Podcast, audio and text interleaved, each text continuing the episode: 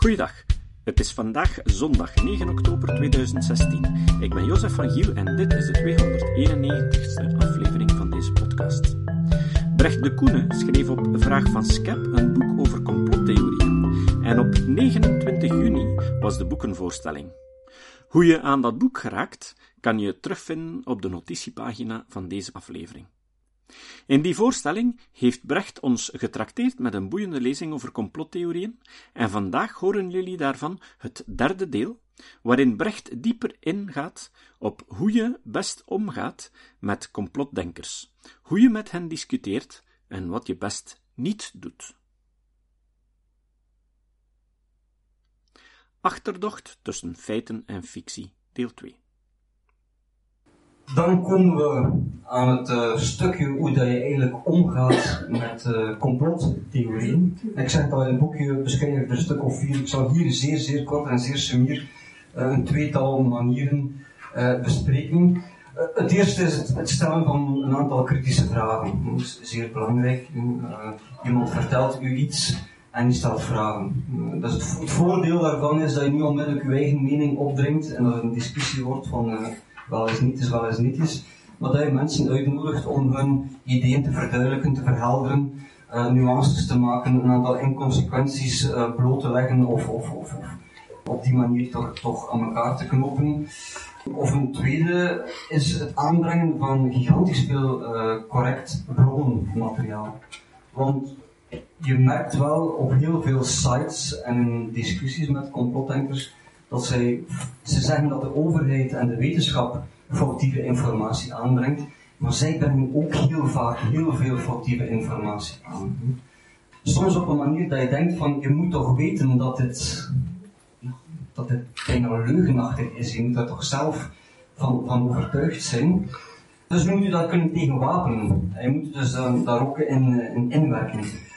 Er zijn evidente nadelen aan alle twee de strategieën of de, de, methodes. Het stellen van kritische vragen is, je moet dat kunnen. Je moet zelf heel scherp zijn om, om, om zeer opgericht een aantal vragen te stellen. Je leert dat natuurlijk wel um, gaandeweg.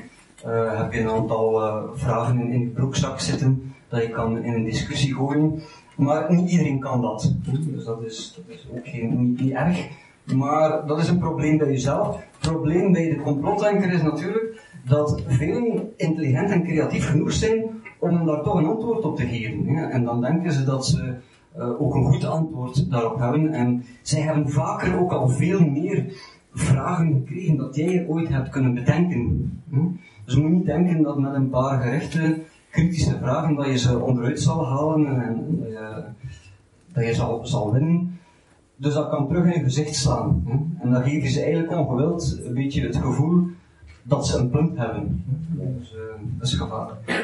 Bij het aanbrengen van gigantisch veel um, correct informatiemateriaal moet je zelf goed op de hoogte zijn. Je moet je inwerken in die zaken. Ik merk bij bepaalde complottheorieën, want ik ben nog niet bedreven in, in, alle versies, want er zijn er veel te veel.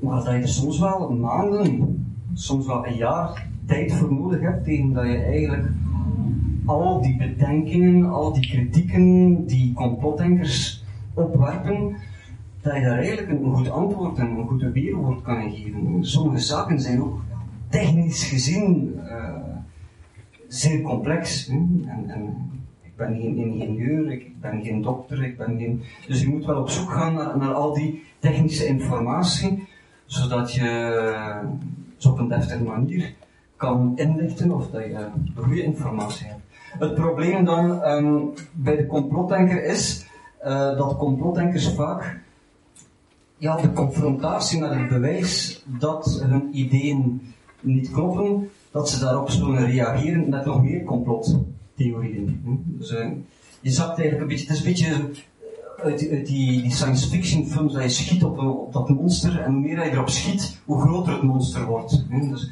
soms heb je een beetje het gevoel dat je dreigt weg te zakken in een, een moeras van, uh, van complottheorieën. Oké, een eerste concreet voorbeeldje. Um, bij chemtrails, velen onder u zullen waarschijnlijk wel weten wat dat is, maar voor degenen die daar nog niet van op de hoogte zijn, leg je dat kort uit. Als je in de lucht kijkt en vliegtuigen vliegen over, dan blijft daarna een, streep. Een witte streep, dat is condensatie vanuit de motoren en zo. En dus je ziet dat er daar een condensatiespoor achterblijft. Maar, zeggen sommige complotdenkers, als je eigenlijk naar bepaalde van die trails kijkt, van die contrails, dan blijven die zeer lang hangen. Meestal passeren vliegtuigen na enkele seconden waaiert dat uit en is weg. Ze zeggen, sommigen blijven uren hangen. En het is een rasterpatroon. Dus uh, dat, dat, is vreemd. En dus zeggen ze, dat zijn geen condensatiesporen, dat zijn geen contrails, maar dat zijn chemtrails. En zal doelbewust op grote schaal zal men, zal men allerlei chemicaliën in de lucht spuiten om uh, ons ziek te maken, om ons zwakker te maken, om ons uit te roeien, om ons uh, minder kritisch te maken. En dat, uh, dat gebeurt dus. Dus als je vliegtuigen ziet, dan um, spuit men dat eigenlijk over ons. Een aantal kritische vragen dat je daar onmiddellijk kan bedenken is, hebben die piloten dat nooit door, dat er bepaalde substanties of bepaalde containers aan boord worden gebracht? Is er geen ander personeel die ziet dat er verdachte containers worden aan boord gebracht? Weten die dat? Uh, is er nooit iemand die zegt van, ja, maar ja, is daar iets in, de laadruimte en, en ik ben dan niet gewoon, wat doet dat daar? Is dat niemand die dat um, rapporteert? Dat is de eerste vraag die je kan stellen. Een tweede vraag die je zou kunnen eh, stellen is, uh, wanneer wordt dat dan aangezet? Is dat de piloot die op een bepaald moment tijdens de vlucht een knopje omdraait? Of gebeurt dat automatisch? Hm? Uh, als die piloot dat knopje omdraait, dan moet hij daar toch ook van op de hoogte zijn.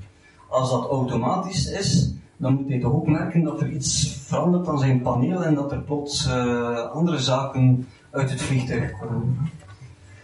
Een andere vraag uh, die je daar zou bij kunnen bedenken. Um, dat is op een hoogte van 6 tot 10 kilometer dat dat wordt uh, ja, uh, in de atmosfeer wordt gebracht.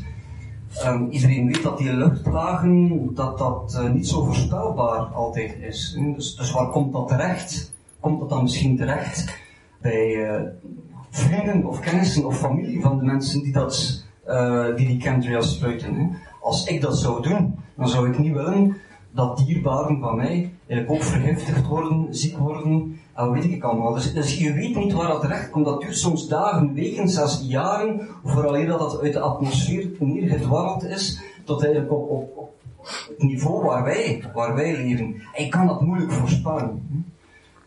Dus dat is vreemd, dat die, uh, die mensen die dat uh, in de atmosfeer brengen, daar geen rekening mee houden.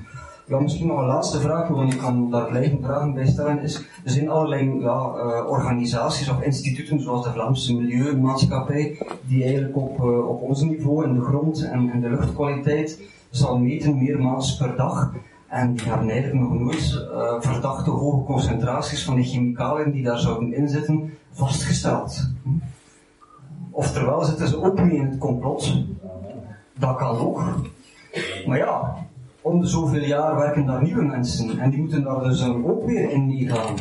En je hebt niet alleen zo'n maatschappij hier in Vlaanderen, je hebt er ook in Nederland en in Frankrijk en in Duitsland en in Groot-Brittannië.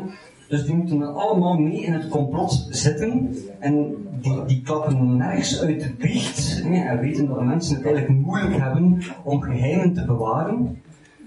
Zeker als je aan een krant een primeur zou kunnen uh, aanleveren wat u meer prestige en, en, wat geld zou opleveren, dan zijn er natuurlijk wel een aantal extra motivaties waarom dat mensen dat naar buiten zouden brengen. Maar serieus bewijsmateriaal is eigenlijk daarvan nog niet uh. Dus die bedenkingen zou je zelf wel, uh, wel kunnen maken. De andere methode dan, um, informatie aanbrengen over 9-11. Er zijn een aantal uh, complotdenkers die, uh, die daar dus ook niet in geloven dat, dat, dat die Twin Towers vanzelf naar beneden gekomen zijn na de inslag van die uh, vliegtuigen en door de verbranding van kerosine. heel kort wat er gebeurd is, want de meeste mensen herinneren zich dat nog wel. In die ochtend van 11 september 2001 stijgen er een aantal vliegtuigen op, Boston, Washington, New York, New York. En een aantal, of een, uurtje later, vliegen ze in de Twin Towers, Pentagon, en eentje is uh, ja, neergestort geweest in de velden van, van Pennsylvania. Vliegtuigen, vier vliegtuigen gekaapt, drie targets uh, hadden ze, twee geslacht, één mislukt. Er zijn een drieduizendtal mensen op die dag omgekomen, om het leven gekomen. Ook alle passagiers, piloten en aanboordpersoneel van, van die vliegtuigen, ook alle kapers.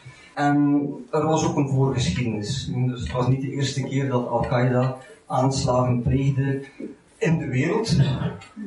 Hier zie je dat uh, Osama bin Laden en Al-Qaeda al reeds in 92, 93 en 98 een aantal aanslagen plegen, trouwens ook al eens uh, in de WTC. Toen waren er zes doden en meer dan duizend gewonden. En er zijn ook zelfs al aanslagen verijdeld geweest dat men heeft kunnen verhinderen. Ook um, nadien heeft men nog altijd aanslagen gepleegd. Uh, een rapport van de Britse regering na de aanslagen zei dat de organisatie Al-Qaeda nog steeds de middelen en het plan heeft om nog verdere terroristische aanslagen te plegen ten opzichte van ja, de Verenigde Staten en zijn uh, bondgenoten. En het is ook gebeurd, hè. Ik bedoel, ik zal ze ook niet allemaal overlopen. Dit, zijn, dit is gewoon een greep uit, uit alle uh, uit de aanslagen die gebeurd zijn, zijn er nog tientallen meer gebeurd de meeste van ons herinneren er wel een, een, aantal van. Dus om maar te zeggen, 9-11 kwam eigenlijk niet uit de lucht vallen. Um, er waren ervoor al en er waren daarna eigenlijk ook al aanslagen gebeurd door um, Al-Qaeda. Een paar claims of beweringen van complotdenkers. Een paar over um, het Pentagon. Sommigen zeggen, waarom zijn er geen brokstukken van vliegtuig 77 gevonden aan het Pentagon? Dan kun je inderdaad ja, foto's tonen van in de verte waar je niet onmiddellijk brokstukken ziet van een vliegtuig, dat je dus kan afvragen, ja, zit daar een vliegtuig tussen? Ik zie daar niet onmiddellijk iets. Maar dat is natuurlijk gemakkelijk. Als je foto's toont waarop er geen brokstukken te zien zijn, ja, dan zul je er ook niet zien. Als je dan eigenlijk foto's toont waar er duidelijk in de buitenkant en die rivets, die, strepen die op een American Airliner staan, te zien zijn. Um, of dat er mensen die opruimingswerken doen, brokstukken in hun handen hebben, tonen uh, aan fotografen, dan is dat natuurlijk uh, al heel wat anders. Duidelijk brokstukken, zelfs duidelijk brokstukken die van een vliegtuig kunnen komen. Hier zie je bijvoorbeeld een rotor van de motor van een vliegtuig. Uh, was er ook tussen te vinden. Duidelijke foto's van, ja, van de wielen van een Boeing. Een volgende bewering van complotdekkers is zo het Pentagon is niet geraakt door een vliegtuig, maar door een telegeleide raket. De aangerekte schade en vernieling is onvoldoende groot bij wat je zou verwachten van een Boeing dat is grappig, want ja, blijkbaar hebben mensen spontaan een intuïtief, gevoel van hoe dat een, een, de inslag en de impact van een vliegtuig in een, een gebouw er moet uitzien. Uh, ik denk dat wij dat uh, als ongetrainde mensen niet goed kunnen inschatten. Um, en zij evenmin natuurlijk, maar ze gaan er dan vanuit um, dat, dat ja, als je dan even die vleugels ziet, dat is dan 38 meter en het is maar 20 meter uh, schade eigenlijk, wat is er al gebeurd met die vleugels. Totaal er niet aan denkend dat het Pentagon ja, stevige muren had van een paar meter dik. Het zijn niet zo'n muren zoals, zoals dit gebouw hier. Dus als er dan een vliegtuig tegen aanknalt, als er dan een vliegtuig tegen aanknalt, dan heeft dat natuurlijk een heel ander resultaat. Dan moest er hier, hier eentje in, in vliegen natuurlijk. Hè. En er zijn wel um, experimenten geweest met vliegtuigen die een beetje een gelijkaardig uh, model waren. En, en men weet eigenlijk heel goed hoe, dat, eruit ziet, zo'n ontploffing. Um, hier zie je zelfs een, foto van een, parkeerterrein waar een vliegtuig eigenlijk is op neergecrashed. En dan, ja, dan zal jij waarschijnlijk evenveel als mij de indruk hebben dat dat vliegtuig eigenlijk bijna volledig verdwenen is. Je ziet daar eigenlijk niet, veel meer van. Zeker als je weet dat hij aan 600, 700 km per uur daar tegen vliegt, ja, dan, dan, dan, dan schiet er daar niet veel meer van over. Van een zekere afstand bekeken. Trouwens, in een vliegtuig zit er ook niet veel in. Dat is een beetje aluminium met wat zeteltjes in en, en, en wat motoren. Dat moet van de grond geraken. Hè. Dat mag niet te zwaar zijn, dat, dat mag niet te veel zijn. Dus de impact kan ook niet verschrikkelijk groot zijn. Wat ook interessant is en grappig is dat er een stuk of vijf, niet één, maar vijf lantaarnpalen of elektriciteitspalen uit de grond gerukt zijn. Vijf op weg naar uh, het Pentagon. Dus oftewel, als dat een telegeleide raket is die naar naartoe vliegt, moet dat wel een heel dikke raket zijn en dat die uh, een vijftal palen kan meenemen. Oftewel, ja, moet hij net op uit zijn hoek komen dat hij juist vijf op een rij kan, kan meenemen. Dat zou wel heel toevallig zijn. Hè? Kijk, hier zijn andere van die palen die men oplaat op andere plaatsen. Het is een beetje moeilijker om te zien, maar hier ligt er eentje, hier ligt er ook eentje. Dus ja, hoogstwaarschijnlijk zal dat ja, de rijkwijde zijn van een vliegtuig die dat, uh, die dat gemakkelijk kan, kan meenemen. Dus veel waarschijnlijker dan dat er daar een telegeleide raket naartoe gevlogen zou zijn. En er is ook serieus wat ja, ravage in dat gebouw zelf. Niet zozeer van een, uh, van een telegeleide raket, maar echt wel uh, ja, hier stukken van een landingsgestel die, die, die daarin te vinden zijn. Een aantal foto's die ik nu toon, zullen misschien, wel, ik weet niet wat er veel gevoelige kijkers hier zijn, maar ik zal een aantal uh, verkoolde lichamen tonen van mensen die in het vliegtuig zaten. Dus voor degenen die um, eventjes niet willen kijken. En dus hier zie je iemand zitten, nog in zijn stoeltje. Hier schoot er jammer genoeg niet zo heel meer, meer van over. Maar, je begrijpt natuurlijk wel, er zijn er veel meer foto's van. Maar uit respect voor de privacy geeft men die natuurlijk niet allemaal bloot. Ik bedoel, mensen nabestaanden moeten toestemming geven om die foto's openbaar te maken. Ik zou bijvoorbeeld niet zo graag hebben dat er ja, vrienden, familie, kennis, dierbaren, dat iedereen dat zomaar kan zien. Hier ook, zie hem zitten in, in de stoel tussen de ravage.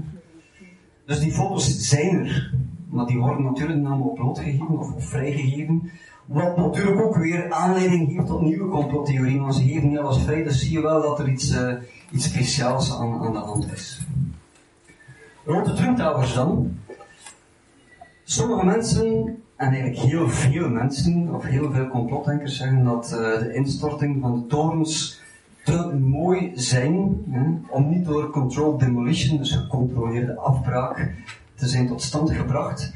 Uh, met andere woorden, er zijn op voorhand explosieven aangebracht. Hè. Die, die vallen te mooi ineen in, in their own footprint, hè, zeggen ze dan. Die vallen mooi op hun eigen, uh, uh, sokkel, eigenlijk, ja, inderdaad.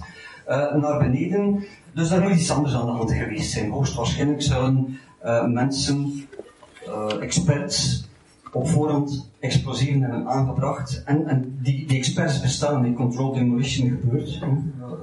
Als je een gebouw wil instorten dat, dat oud is, je wil daar een, een nieuw flatgebouw op zetten, dan wil men dat zo, zo mooi en zo beheerst mogelijk laten instorten, zodat het niet valt op aanpalende uh, gebouwen. Ook in films wordt dat vaak gebruikt, als men in een film een, gebouw wil instorten, ja, dan wil men dat een beetje kunnen voorspellen eh, en dan heeft men de expertise nodig van uh, mensen die aan control demolition doen, want zijn dat cameramensen en, en mensen die het geluid doen en het licht en, en, acteurs en als er hen iets over komt, dat kost veel geld. Hè. Dus vandaar wordt die expertise daadwerkelijk ook toegepast op, bepaalde ter terreinen. Dus dat bestaat, dat bestaat wel zeker. Maar ik kan hier eigenlijk al, al tonen aan die foto, die valt ook niet echt mooi naar beneden. Je ziet dat hier eigenlijk al, al een beetje kanten naar beneden, maar doordat die ijzeren structuur in heel dat gebouw toch aan elkaar vasthangt, kantelt die en trekt die de rest eigenlijk mee, mee naar beneden. Je ziet trouwens dat het niet zo mooi naar beneden valt. Hè. Is niet alleen kantlet, maar um, het puin valt echt langs de zijkanten naar buiten, doordat het bovenste gedeelte de rest naar beneden drukt, valt het puin op, op andere gebouwen. En er zijn heel veel andere gebouwen, een stuk of vier, vijf, niet zo heel veel misschien, die nadien ook uh, volledig kapot waren. Die waren misschien allemaal ingestort, maar ze waren niet meer bruikbaar. En men heeft ze achteraf dan ook toch met control demolition moeten stoppen natuurlijk. Want er was eigenlijk niks meer mee, aan te vangen. Dus zoals je eigenlijk nu een beetje ziet, en in, Kent zie je het verschil in. De Twin Towers zijn van boven eigenlijk ingestort en zijn beginnen instorten op de plaats waar het gebouw het meest verzwakt is. Ik bedoel, een vliegtuig dat er aan 800 km per uur invliegt, ja, dat heeft een zeker impact. En dan, ja, 10.000 liter kerosine dat daar eigenlijk in de fik schiet, die maakt dat die structuur zodanig zwak is en eigenlijk op, op de plaats waar het minst weerstand is, daar begint de boel eigenlijk in te zakken en, en, en stort de zaak in elkaar van bovenaf naar beneden. Controlled demolition is eigenlijk altijd van onderuit. Hm? Begint altijd van onderuit. En dan, um, je, je, hoort ook, ik zal nog, uh, nog wat beelden tonen van controlled demolition, om het nog een keer duidelijk te illustreren. Altijd van onderuit. Je hoort hoe de explosies ik vind dat wel maf eigenlijk. Kijk, als je, als je daar wilt, ja, nog mee bezig worden vanavond, control demolition inpikken en ik kan u daar enige minuten of uren mee bezig houden. Ik vind het zeer fascinerend. Dit is echt, hè? Dit zijn, uh, ja, dus dat zijn oude gebouwen die men niet, niet meer nodig heeft. Maar wel waarschijnlijk een ander gebouw opzetten. Men kan het nu gebruiken of die gebouwen zijn niet meer in goede staat. Die wegruimen en in plaats van van bovenaf verdieping per verdieping af te kloppen of, of een, kraan naar boven te, te halen. Dus veel te veel poespas. Dan zou men op strategische plaatsen, men bestudeert dus het architecturaal plan van die gebouwen, en men zou op strategische plaatsen um, explosieven aanbrengen waarvan men weet dat als ze daar afgaan, zal het gebouw mooi uh, naar beneden komen. Deze is van boven, inderdaad, maar meestal is van onder. Deze is van boven, maar je ziet ook overduidelijk, je hoort de explosies, je, je ziet het ook. Hè. Oh ja, ik kan er lang naar kijken.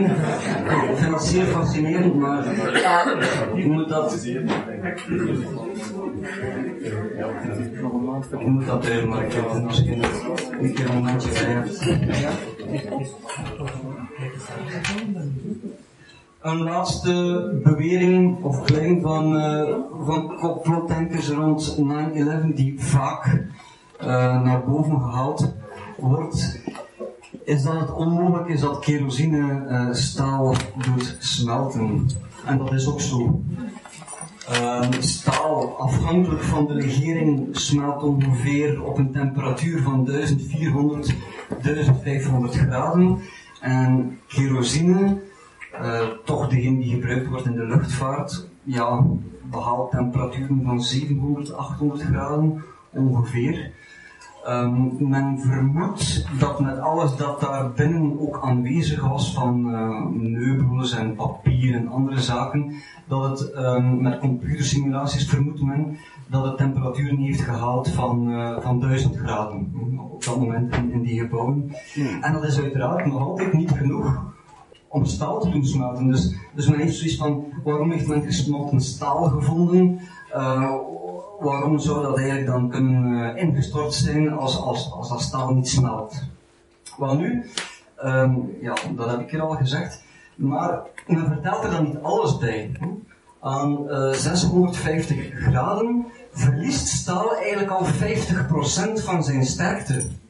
De helft is dan al eigenlijk weg, dus het is dan een groot stuk verzwakt en bij 1000 graden, de temperatuur die het vermoedelijk die dag heeft gehaald, um, blijft er eigenlijk maar 10% van zijn sterkte niet meer over. Dus, dus, dat is eigenlijk zo goed als niks meer. Dus in principe moet staal ook helemaal niet smelten om te kunnen instorten. In de metallurgie gebruiken we temperaturen van 1000, 1100, 1200 graden om, om staal te bewerken. Omdat het dan eigenlijk al redelijk zacht is, zou je eigenlijk kunnen zeggen. Dus dat is goed om, om, om, dat te weten. Maar als je dat niet weet, ja, dan, dan, dan denk je dat die complotdenkers ergens een, een goede vraag of een goede bedenking hebben. Maar dan vertel je niet het hele verhaal. Trouwens, um, er was ook helemaal geen gesmolten staal gevonden. Zo'n zo vliegtuig bestaat uit aluminium. 60.000 kilogram aluminium zit er daarin. En er zal nog wel wat andere um, metalen in dat gebouw gezeten hebben. En aluminium smelt bijvoorbeeld al bij een temperatuur van 450 graden. Hm? Dus als men zegt van kijk, je ziet daar sta smeltend staal uit uh, of uitvloeien, dan is dat hoogstwaarschijnlijk geen staal, maar uh, aluminium. Dus het is belangrijk en dat is ja, zeer technisch natuurlijk. En wij, wij bezitten niet allemaal die, die, die, uh, die kennis om complotdenkers op allerlei verschillende uh, zaken te woord te staan. Maar het is wel, uh, het is wel belangrijk, uiteraard. Ja, vandaar is het soms een moeilijke kwestie om, om, uh, om daarmee om te gaan. Volgende keer spreekt Brecht over hoe complotdenkers met elkaar omgaan. Het citaat. Vandaag nog eens een citaat van Albert Einstein. Einstein zei: Het opstellen van een nieuwe theorie is niet hetzelfde als het slopen van een oude schuur om op die plaats een wolkenkrabber te bouwen. Het lijkt veel meer op het beklimmen van een berg, waarbij we nieuwe en wijdse gezichten aanschouwen en waarbij we onverwachte verbindingen ontdekken tussen ons uitgangspunt en zijn rijke omgeving.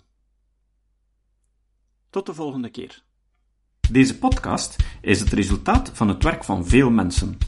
Rick de Laat verbetert bijna al mijn teksten en maakt de meeste vertalingen. Emiel Dingemans verzorgt onze website en Facebookpagina. Ook Leon Korteweg en Stefan Sutens schrijven, vertalen of verbeteren soms artikelen. Leon onderhoudt bovendien het YouTube-kanaal van deze podcast. De muziek van de intro en de trailer heeft Nick Lucassen geschreven en soms maken we ook gebruik van muziek van Ad van Nederpelt, die ons zijn prachtige composities ter beschikking stelt. Dit was de podcast Kritisch Denken. Vergeet niet om alles kritisch te behandelen, ook deze podcast. Voor verdere informatie over deze podcast, links en voor de tekst, surf naar www.kritischdenken.info. Als je deze podcast belangrijk vindt, kun je me steunen door anderen warm te maken ook eens te luisteren. Stuur een e-mail naar vrienden met een link naar de website en plaats de link in de handtekening van je e-mails. Tevens kun je op iTunes deze podcast een beoordeling geven of een recensie schrijven. Of je kan op je eigen website of blog een link naar kritisch denken plaatsen.